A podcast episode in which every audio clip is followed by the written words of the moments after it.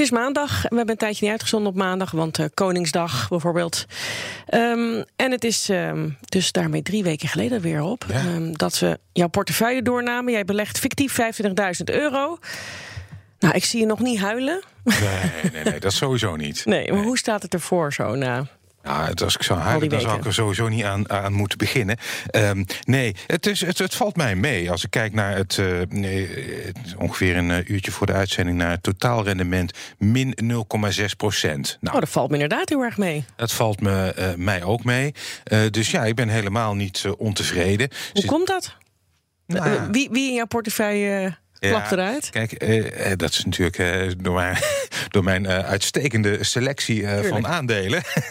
maar um, nou, wat het goed doet is Alphabet, de moeder van Google, over de hele periode nog altijd 17,6 procent in de plus. Galapagos, Goudhaantje 34 procent ruim. En Microsoft 43,5 procent. Dat is op dit moment. Oh, dat trekt het lekker omhoog. Ja. Dat trekt het lekker omhoog. Maar hè, ik heb ook uh, vanuit gedachte veilig beleggen. Bierbrouwers doen het altijd goed.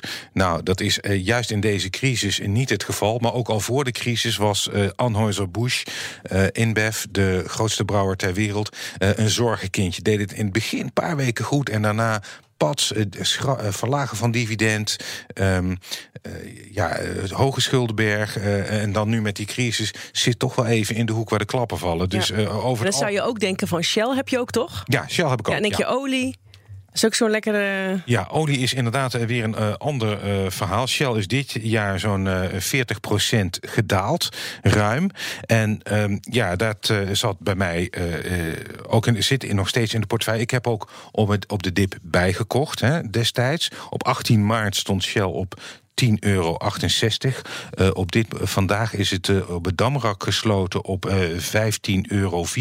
Als die 10, uh, leek wel een beetje de bodem echt, hè? Ja, inderdaad. Ja, heb je goed, toch goed gekozen toen. Ja, dus ja. Dat, dat, is, dat, dat valt enorm. En het is ook wel in lijn met op zich de laatste weken... naar die negatieve olieprijs, dat gekke moment... is de olieprijs ook wel weer aangetrokken. Ja, ja, daar profiteert Shell ook van. En ja, ik denk dat er nog wel wat meer productieverlagingen aankomen. Nu is de AEX. We keken er even samen naar voor de uitzending. Hè? Hoe staat het er eigenlijk voor nu? Dat is per saldo dit jaar 14% gedaald. Ja. Zou je zeggen, is het dan veel als je kijkt naar de economische schade die verwacht wordt, bijvoorbeeld? Nou, ik, ik denk dat dat nog heel erg meevalt als je kijkt naar uh, de economische schade. En dan vooral wat veel economen zeggen: de economische schade die we gaan krijgen. Want het eerste kwartaal was uh, misschien niet leuk, maar het lopend kwartaal wordt. dan wordt veel zichtbaarder hoe groot de problemen zijn van, de pro, van veel ja. bedrijven. Ja, is dan een 14% daling uh, genoeg?